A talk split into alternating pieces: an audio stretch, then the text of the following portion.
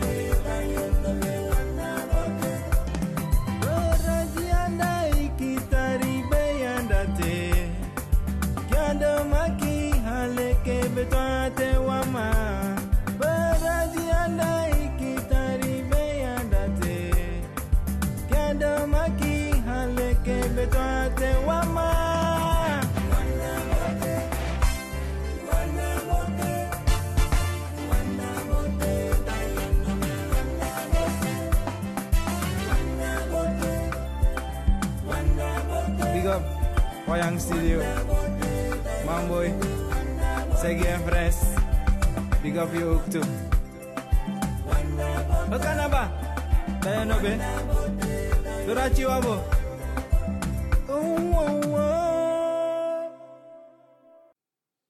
Goeiedag luisteraars, welkom bij Radio Surimama. U gaat vandaag luisteren naar de uitzending van zondag 24 mei 2020. Radio Surimama, de stem voor universele moeder aarde. De stem voor moeder aarde van Suriname en Nederland. De stem van de oorspronkelijke bewoners van Noord- en Zuid-Amerika de stem van de rechtvaardige Surinaamse inheemse voorouders, de stem van de waarheid en helderheid, de stem van algemene rechtvaardigheid, de stem van inzicht en bewustwording, de stem van transformatie en genezing, de stem van belichting van de waarheid en ontmaskering van de leugen. Ja, luisteraars, u weet het, Radio Surimama brengt vele inzichten en boodschappen naar buiten, vele onderwerpen, vele gedichten van en over Moeder Aarde in het algemeen, maar ook over Moeder Aarde van Suriname. Surimama heeft de afgelopen tijd veel tegenwerking ervaren. Als er ergens gewerkt wordt, kan er heel veel jaloezie ontstaan. En vanuit jaloezie kunnen leugens plaatsvinden, roddels plaatsvinden. Maar het ergste is dat er ook plagiaat plaats gaat vinden. Dat mensen je werk gaan kopiëren en je onderwerpen gaan claimen en daarnaast ook aan willen gaan verdienen. En dat is waar ik het in deze uitzending voornamelijk over zal hebben. Het plagiaat plegen van het werk van de Stichting Inzicht en Bewustwording en van Radio Surimama.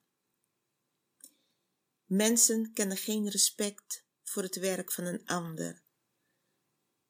Door jaloezie wordt er zoveel ondernomen om zichzelf te verrijken, om zichzelf eer aan te doen en om zichzelf meer bekendheid te geven. Dit gebeurt allemaal vanuit een jaloers hart, een giftig hart van de mens. En ik wil toch ja, gaan kijken waar die jaloezie vandaan komt bij de mensen. Maar het komt veel te veel voor in de samenleving, in de wereld. En Surinamers kunnen daar wat van. Zij moeten gaan werken aan hun jaloers hart.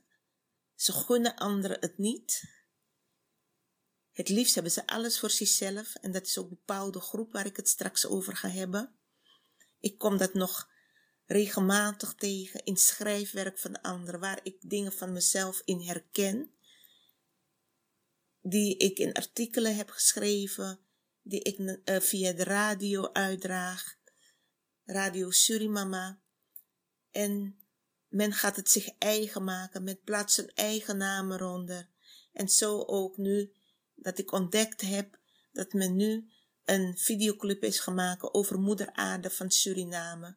En men accepteert de naam Surimama niet. Men maakt er mama's renang van.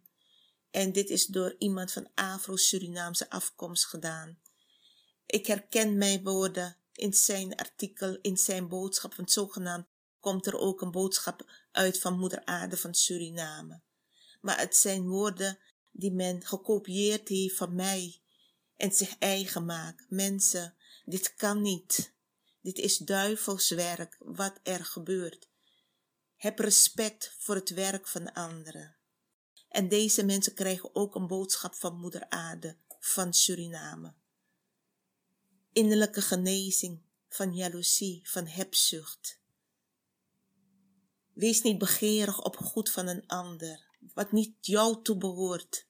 Blijf er van af, want ik werk aan de ontmaskering van de leugens. Van de mensen die bezig zijn het werk zich eigen te maken, het heilige werk van mij zich eigen te maken en geld aan te verdienen, na mee te maken, hun eigen bevolkingsgroep naar boven te halen. Met mijn werk. Het werk waar ik, waar ik voor uitgekozen ben waar ik hard voor werk, wat ik serieus neem, waar ik respectvol mee omga. Wat niet aan geld gelinkt is, aan grote rijkdom. Nemen vanuit mijn hart. Spreek, vanuit mijn hart schrijf, vanuit mijn hart de boodschappen uitdraag.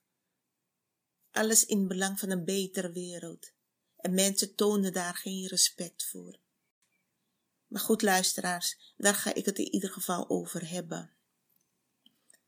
Andere onderwerpen waar ik het over ga hebben, of rubrieken, is cultuur, geschiedenis, spiritualiteit en gezondheid, onder andere. Cultuur, geschiedenis ga ik het over Suriname hebben, de komende verkiezingen. Wat speelt er allemaal af achter de duistere gordijnen? Dat mensen ook bewust van zijn. Belichting van de waarheid. Waarom zwijgen mensen over belangrijke onderwerpen die juist kunnen werken naar een beter Suriname, kunnen leiden naar een beter Suriname? Waarom wordt juist daarover gezwegen? Een gedicht over Moeder Aarde van Suriname zal ik ook over hebben. Daarnaast over spiritualiteit. En uh, gezondheid, daar hoort jaloezie bij. En er is meer tussen hemel en aarde. Genezing van jaloezie, kenmerken van jaloezie. Hoe komt het dat mensen jaloers zijn? Waar ontstaat het door? En hoe kunnen ze daaraan werken om zich van te genezen? Een derde onderwerp, misschien dat er meer onderwerpen of items aan de orde komen. De derde rubriek is gezondheid. En daar komen onder andere aan de orde uh, een link die gelegd wordt tussen het coronavirus en het tekort aan vitamine D. We gaan het hebben over haarverlies, zowel bij mannen als vrouwen. En daarnaast nog wat andere onderwerpen, wat allemaal gezondheid aangaat. Dus luisteraars, ik zou zeggen, blijf u luisteren Dit is Radio Surimama.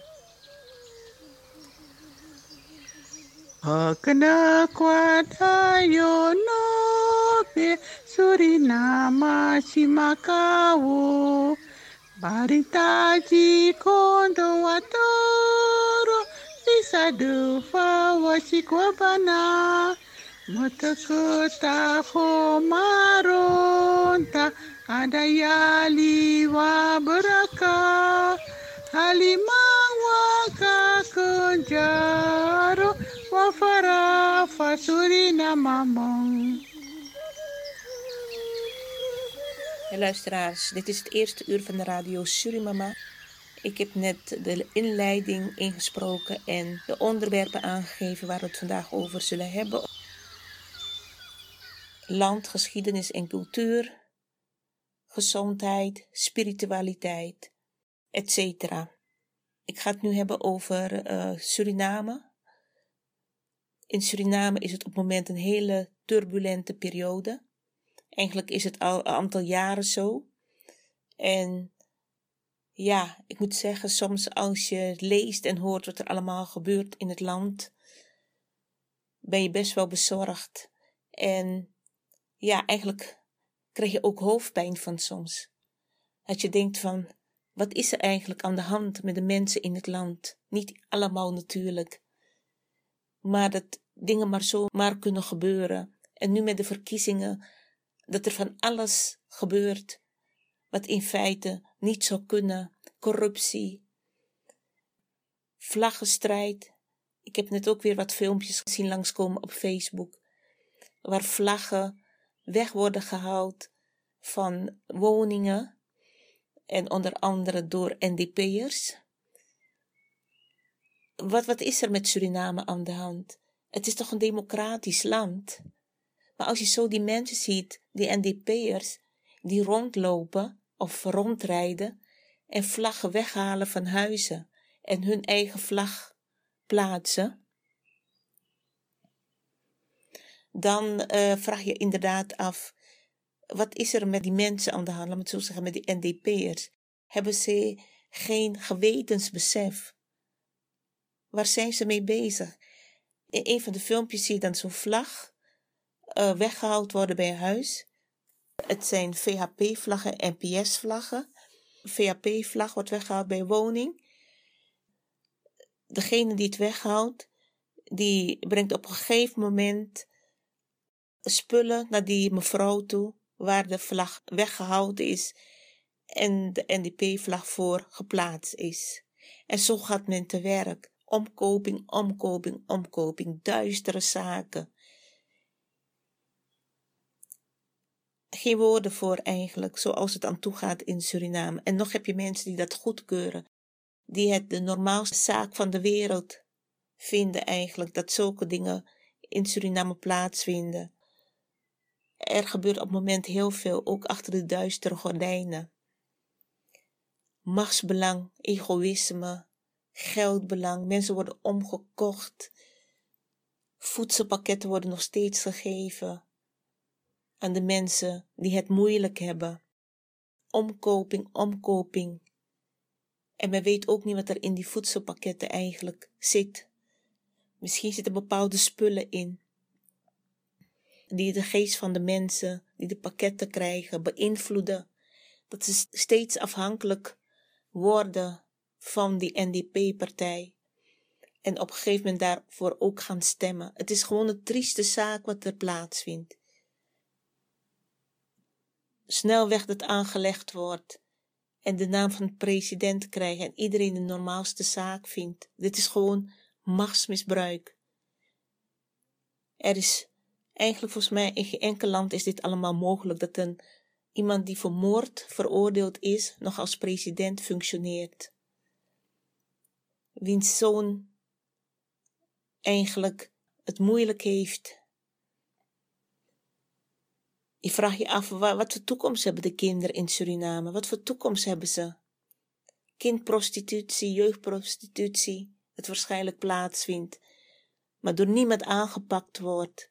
Kinderen die met trauma's lopen.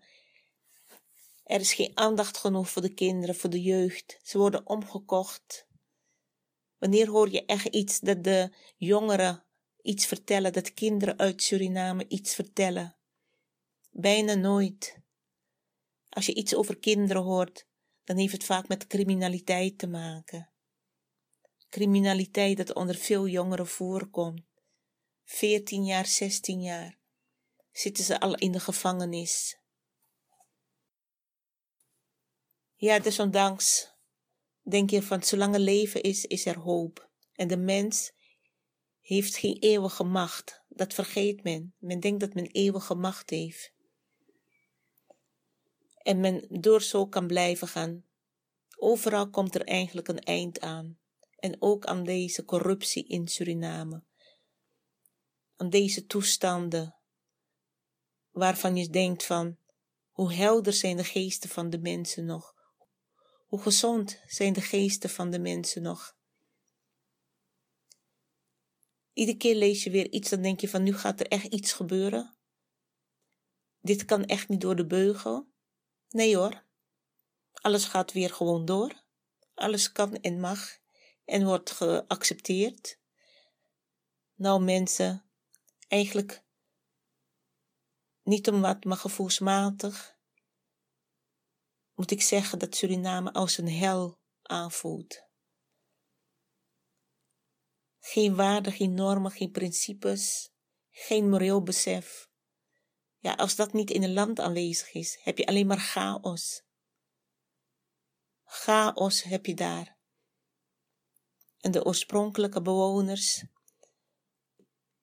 laat me het zo zeggen, de nazaten die er nu wonen, die zijn geestelijk helemaal verzwakt, grootste deel. Misschien dat er nog een wonder gebeurt hoor, luisteraars.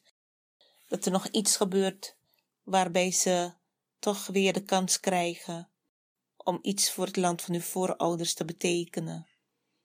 Om zeggenschap te krijgen, maar zoals het moment uitziet, is het niet best. Men gaat naar de dorpen toe, koopt de mensen om, brengt allerlei spullen daar naartoe. Sommigen krijgen geld en zou je kunnen zeggen van ja, ze moeten zich ook niet laten omkopen. In ieder geval ziet het er niet best uit en er wordt heel veel met duistere krachten gewerkt in Suriname. Heel veel duistere krachten. Je kunt wel zeggen duivelse krachten. Om de macht te behouden of om macht te krijgen. Men gaat over lijken heen, in feite, om de doelen te bereiken die men wil bereiken. Dus uh, ja, ik weet het niet. Ik heb in twee uitzendingen wat mensen van de politieke partij hun woord laten doen, hun standpunt laten horen. Maar voor de rest zeg ik van, het is afwachten.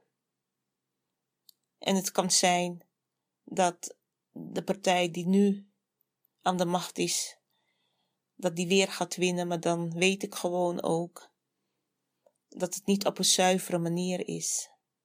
Mensen kunnen zeggen van ja, het grootste deel van het volk heeft voor ze gekozen, maar het gaat met heel veel duistere praktijken gepaard. Met heel veel duistere praktijken. Dus hoe democratisch kun je zo'n verkiezing eigenlijk noemen? Mensen die waarde hechten aan eerlijkheid, waarde hechten aan principes, die worden ook moe van de situatie in Suriname. Nogmaals, chaos, chaos, chaos. Geen orde, geen structuur, geen discipline. Dus ik ga er ook niet zoveel meer over zeggen. Het derde uur was ik van plan eigenlijk iets weer te laten horen over de verkiezingen. Maar uh, dat doe ik niet. De tijd zal het uitwijzen hoe het verder gaat in Suriname. De mensen hebben een verantwoordelijkheid. Zij dienen hun verantwoordelijkheid te nemen. En als ze een zooitje van willen maken, dan is het dan hun. Het is wel jammer voor de mensen die uh, eigenlijk goed hun best doen en uh, ook onder die omstandigheden moeten leven. Ja, luisteraars, we gaan zo even weer naar muziek en ik zou zeggen, blijf u luisteren.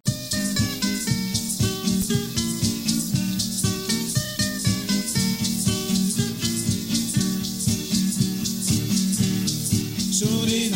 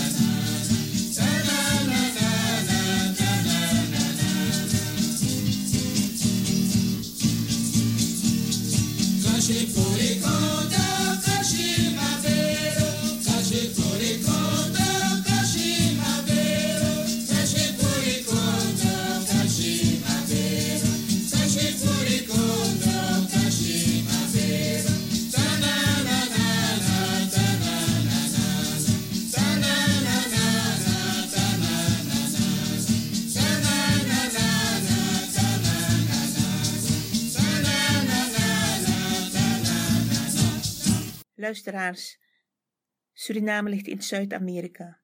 En wist u dat Noord- en Zuid-Amerika en Midden-Amerika de nieuwe wereld werden genoemd door de Europeanen en waaronder ook Suriname viel, dus heel Zuid-Amerika. En Noord-Amerika werden de nieuwe wereld genoemd door de Europeanen. Ik zal even stukje tekst lezen of informatie omtrent de nieuwe wereld. Duizenden jaren ontwikkelde Noord- en Zuid-Amerika zich gescheiden van de rest van de wereld. Maar na de ontdekking van Amerika door Columbus ontstond een uitwisseling van mensen, planten en ziekten tussen de continenten. Het veranderde de wereld totaal. Wat hebben een boterham met pindakaas, een Argentijnse runderbiefstuk en de Ierse hongersnood van 1845 tot 1849 met elkaar gemeen? Ze zijn allemaal te herleiden tot 1492, het jaar waarin een klein flotilje van kapitein Columbus op zoek ging naar een nieuwe handelsroute richting Azië. Na een reis die langer duurde dan gedacht en die bijna tot muiterij onder de bemanning leidde, zag een uitkijk eindelijk land. Azië. Of nee, toch niet.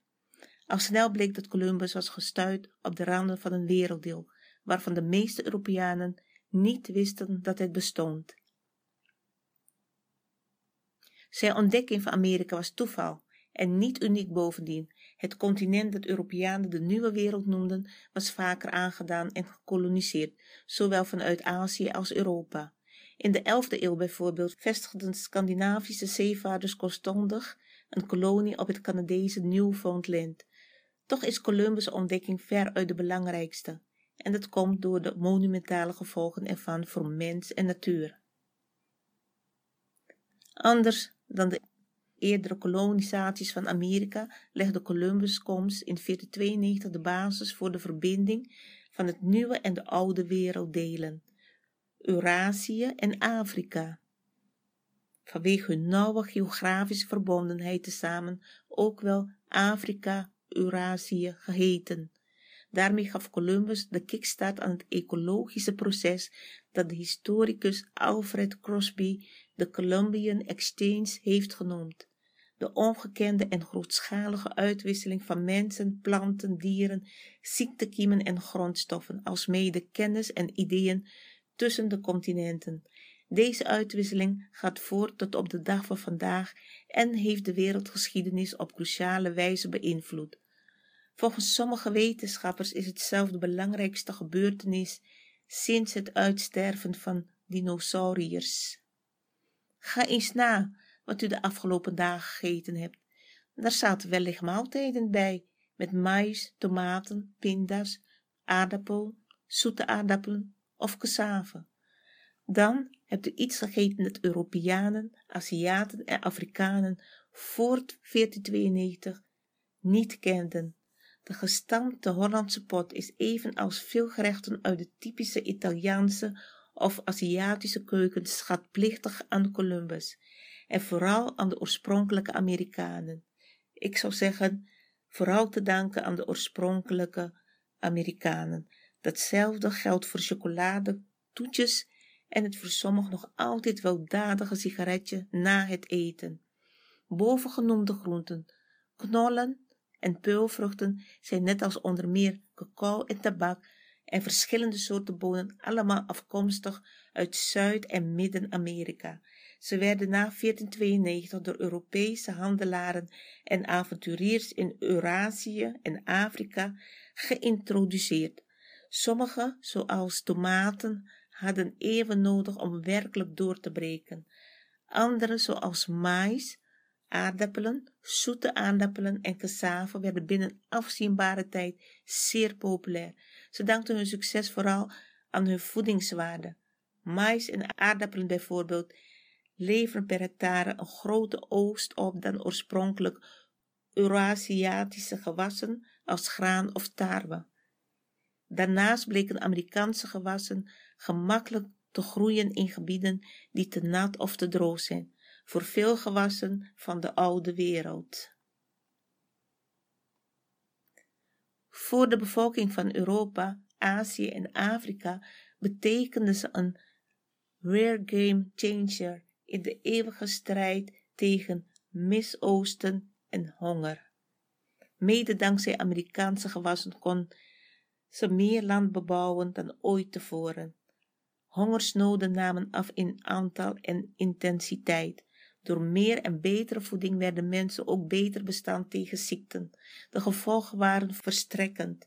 De introductie van Amerikaanse gewassen in Eurasië en Afrika droeg ertoe bij dat de wereldbevolking tussen 1500 en 1800 verdubbelde tot zo'n 1 miljard zielen, dankzij de gewassen van uit Noord- en Zuid-Amerika.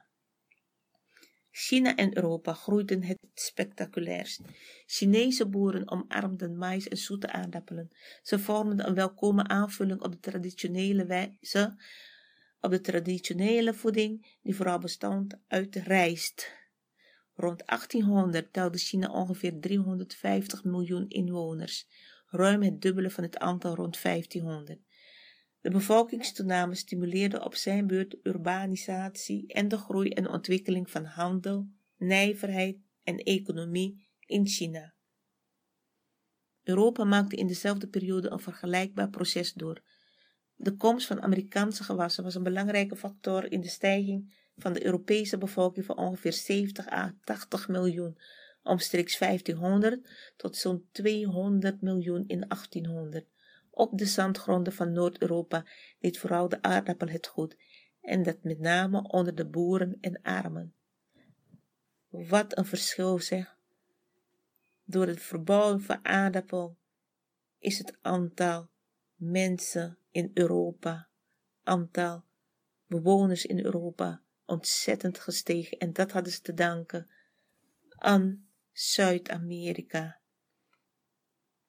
Adel en burgerij hielden aanvankelijk hun neus op voor de knol, die volgens de 18e eeuwse Franse encyclopedist Dennis Diderot melig was, nauwelijks smaak had en twinderigheid.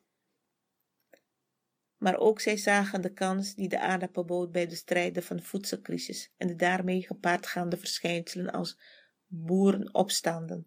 De Franse koning Lodewijk maakte naar verluid persoonlijk reclame voor de aardappel door aardappelbloesem in zijn knoopsgat te steken.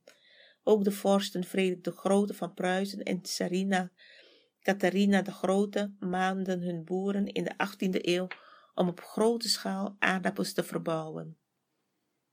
Verschillende historici stellen inmiddels dat de aardappel net zo belangrijk was voor de ontwikkeling en opkomst van het moderne Europa als de industriële revolutie. William H. McNeill beschouwt de aardappel zelfs als een van de drijvende krachten achter het Europese imperialisme. Zonder de melige knol uit de Andes was Europa volgens hem wellicht niet in staat geweest om miljoenen mensen de wereld in te sturen en koloniën te vestigen van Amerika tot aan Australië. Dus, geholpen door de aardappel van Zuid-Amerika, van de inheemse bevolking, konden zij gaan reizen, wereldwijde reizen maken en koloniën stichten in gebieden van Amerika, Australië, Nieuw-Zeeland, etc. Geen dankbaarheid. De Columbiaanse uitwisseling is ook bepalend geweest voor het lot van Amerika en zijn oorspronkelijke bewoners, meer dan nog die van Eurasië en Afrika.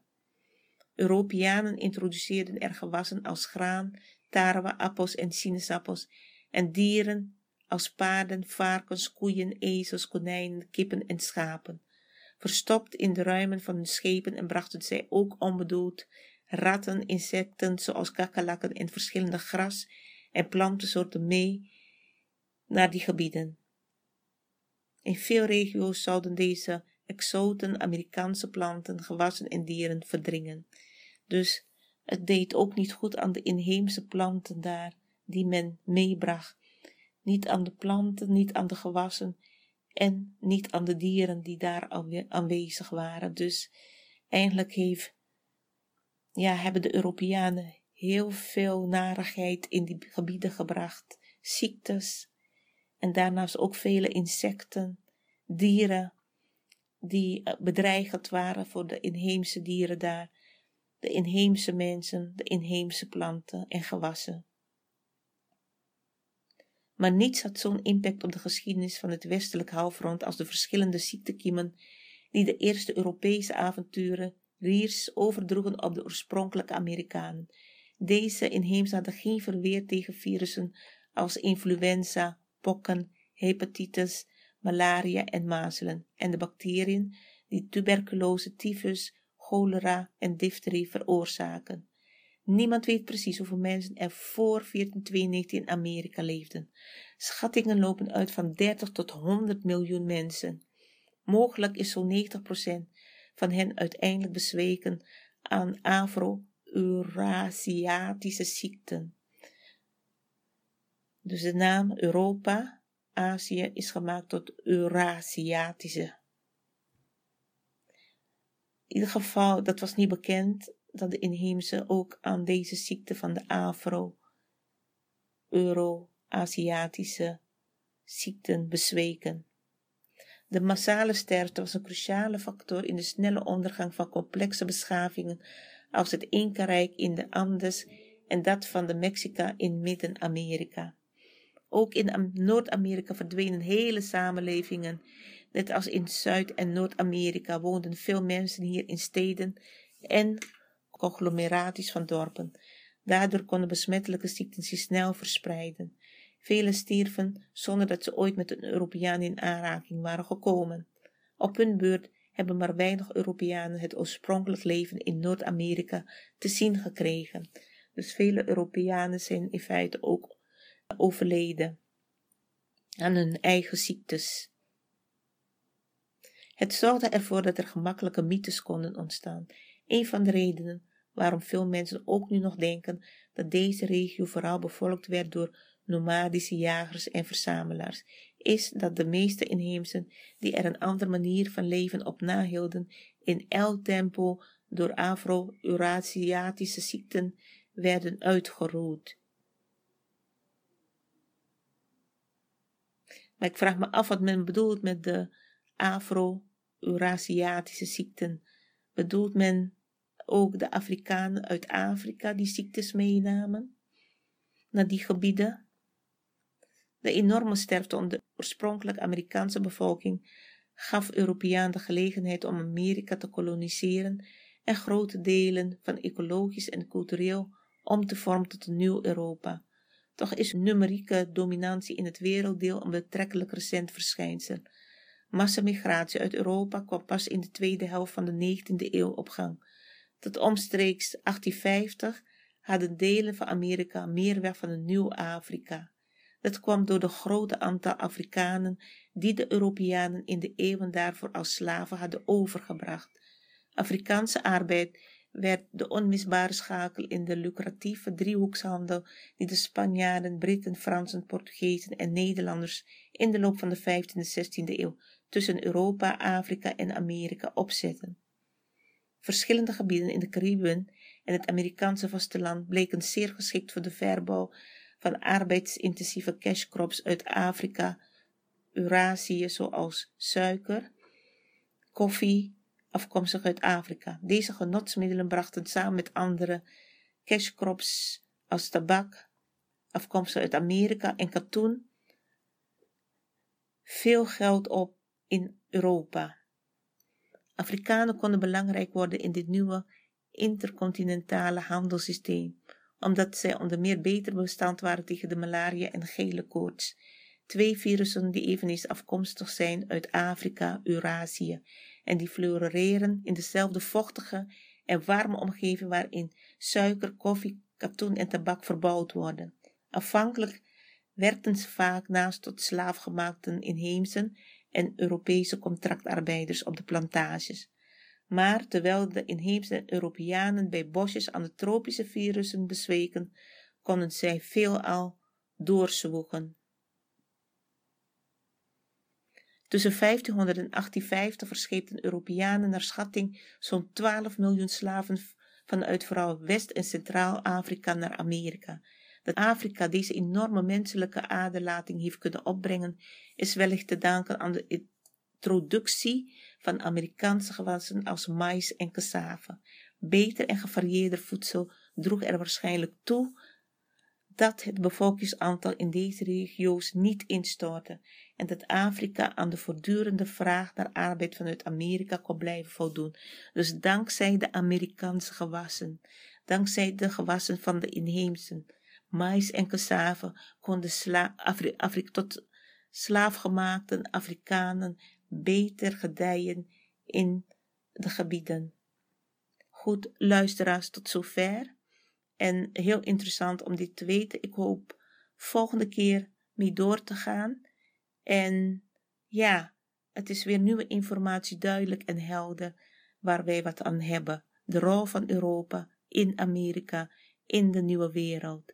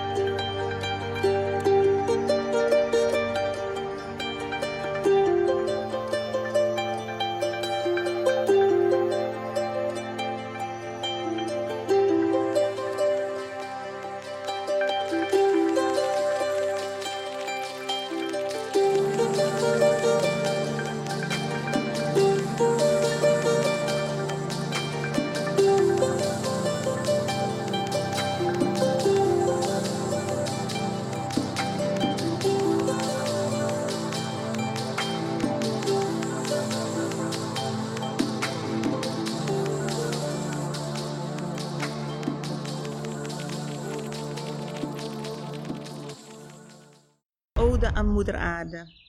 Oppergodin en symbool van vruchtbaarheid en harmonie. U bent van heilige waarde voor alle levende wezens hier op deze aardbol. Zonder uw aanwezigheid hadden wij, uw kinderen, geen bestaan. U schenkt ons veel natuurrijke voeding en genezende planten. Wij moeten zuinig en respectvol met u omgaan. Anders zullen wij de gevolgen met ledenogen moeten aangaan. Moeder Aarde, heel veel dank voor al uw goddelijke levenswaarden. Luisteraars, u heeft net uh, kunnen luisteren naar een gedicht van en over Moeder Aarde van Suriname. Het interview is gegeven tijdens mijn vakantie in het jaar 2014, toen ik met vakantie was in Suriname. En waar ook uh, ja, bijzondere dingen zijn gebeurd, bijzondere ervaringen heb opgedaan, vooral ook op spiritueel gebied. Ik had de vakantie cadeau gekregen als geschenk van mijn wijlentante, overleden in 2015. Ze was ziek en een keer toen ik op ziekenbezoek was, toen vroeg ze mij van, wil je op vakantie? En ik had zoiets van, ja, wil je op vakantie? Vroeg ze naar Suriname. En ik dacht erover na. Ik zei tegen haar van ja, eigenlijk ben ik niet zo meer met Suriname bezig. Het heeft mijn interesse niet zo meer. Omdat, uh, ja, zoals het eraan toe gaat. En ook mijn moeder was inmiddels ook overleden. Dus de interesse was een beetje op de achtergrond ge, geraakt. Maar goed, ze bleven toch steeds vragen. Ook de, als we telefonisch contact hadden. En op een gegeven moment dacht ik van ja, eh, wel aardig van haar dat ze dat aanbiedt. En misschien is het toch niet zomaar dat ze het vraagt of zegt of aanbiedt. En eh, op een gegeven moment heb ik besloten toch met vakantie naar Suriname te gaan. Vandaag de dag ben ik haar nog steeds dankbaar voor. En ja, zoals ik al zei, bijzondere dingen meegemaakt in Suriname. En ook het interview wat ik heb gegeven, dat hoorde ook tot een van de wensen die ik wou doen. Over het milieu praten, bewustwording, moeder aarde. En dat is nog steeds te beluisteren. Vandaar dat ik nu ook weer het gedicht laat horen. Ook een boodschap van moeder aarde van Suriname naar degene toe die alles proberen te kopiëren van Radio Surimama. Heb respect voor andermans werk. Ga kijken waar het probleem is. Ga innerlijk op onderzoek uit. Het heeft geen zin om heilig werk van een ander te kopiëren. Voor eigen belang, voor verrijking, voor gemeenschapsbelang. Wie mijn naam misbruikt, dient te weten dat op het werk geen zegen rust. Mijn naam dient niet gekoppeld te worden aan geld. Moeder Aarde van Suriname dient met respect behandeld te worden. De naam Suriname dient niet langer misbruikt te worden voor geldbelangen, voor machtsbelangen, voor zelfverrijking. Daar dient men mee op te houden films die worden gemaakt, boeken die worden geschreven, muziek die wordt gemaakt. En mijn naam wordt gebruikt, Moeder Aarde van Suriname. Geef de boodschap door. Misbruik mijn naam niet. Ga op zelfonderzoek uit en werk aan jezelf. En genees jezelf. Ik kan jou vragen, ik kan jou helpen als je mij vraagt om genezing. Maar het begint altijd bij jezelf. Leer zuiver te leven. Leer eerlijk te leven met anderen. Wees niet begeerig op goed van anderen. Denk aan de toekomst van uw kinderen. Want wat u zaait, zullen uw kinderen oosten. Bij deze de boodschap van Moeder Aarde, van Suriname en de universele Moeder Aarde. Pleeg geen plagiaat. Stil niet, roof niet. Probeer eerlijk te leven en dan zal er zegen op uw leven rusten.